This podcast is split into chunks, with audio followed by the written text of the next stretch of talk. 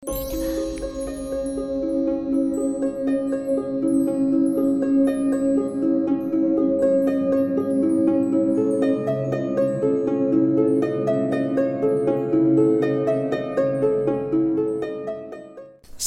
warahmatullahi wabarakatuh. Salam sejahtera untuk kita semuanya.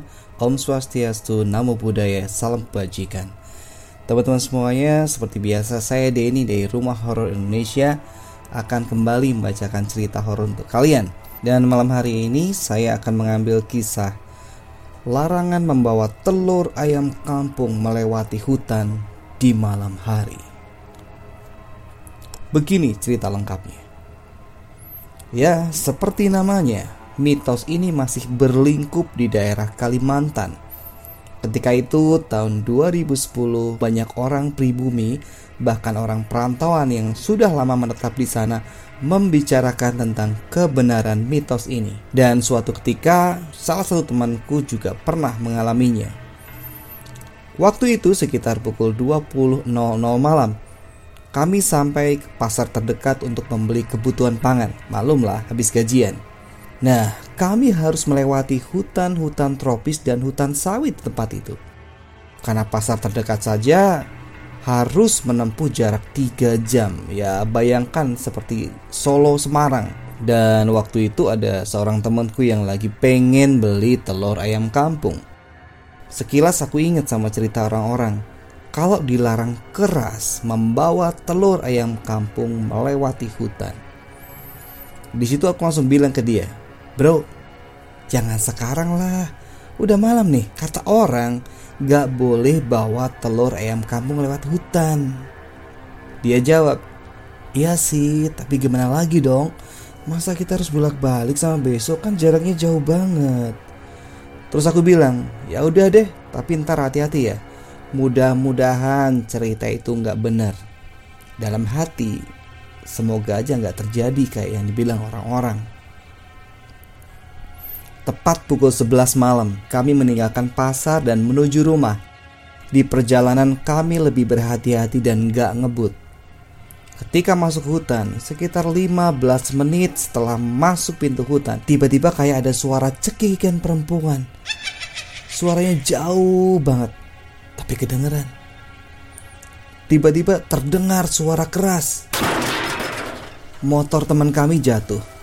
Anehnya, jatuhnya kayak ditarik seseorang dari samping dan orangnya terpental jauh sekitar 4 meteran dari motor. Aku dan temanku yang lain panik saat itu. Aku periksa keadaan teman kami itu. Ya ampun, tulang kedua teman kami remuk di bagian paha dan pundaknya. Anehnya, Kedua teman kami itu lukanya sama, yaitu di paha dan di pundak semuanya. Bergegas aku ambil HP, tapi sial, gak ada sinyal di daerah itu. Terus teman-teman pada sepakat nih untuk minta bantuan ke kampung dinas tempat aku bekerja. Di situ kami berdua ngerawat dua teman kami yang luka itu. Terus aku benahin barang-barang bawaan mereka. Mengejutkan, ternyata pas aku kumpulin barang-barang bawaan mereka tuh, Gak ada satupun telur ayam kampung yang pecah Bener-bener mulus tanpa cacat Padahal tuh telur ditumpuk jadi satu Dan cuma ditempatkan di plastik tipis yang posisinya tuh tertimpa motor saya jatuh tadi Saat itu aku mulai merinding Terus aku tinggalin tuh telur di situ, gak aku bawa.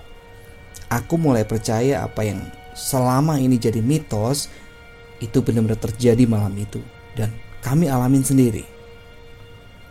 Dua jam kemudian ambulans dinas pun datang ke tempat itu dan kedua teman kami itu diangkut ke ambulans. Motor mereka dinaikin temanku yang satu lagi untuk dibawa pulang.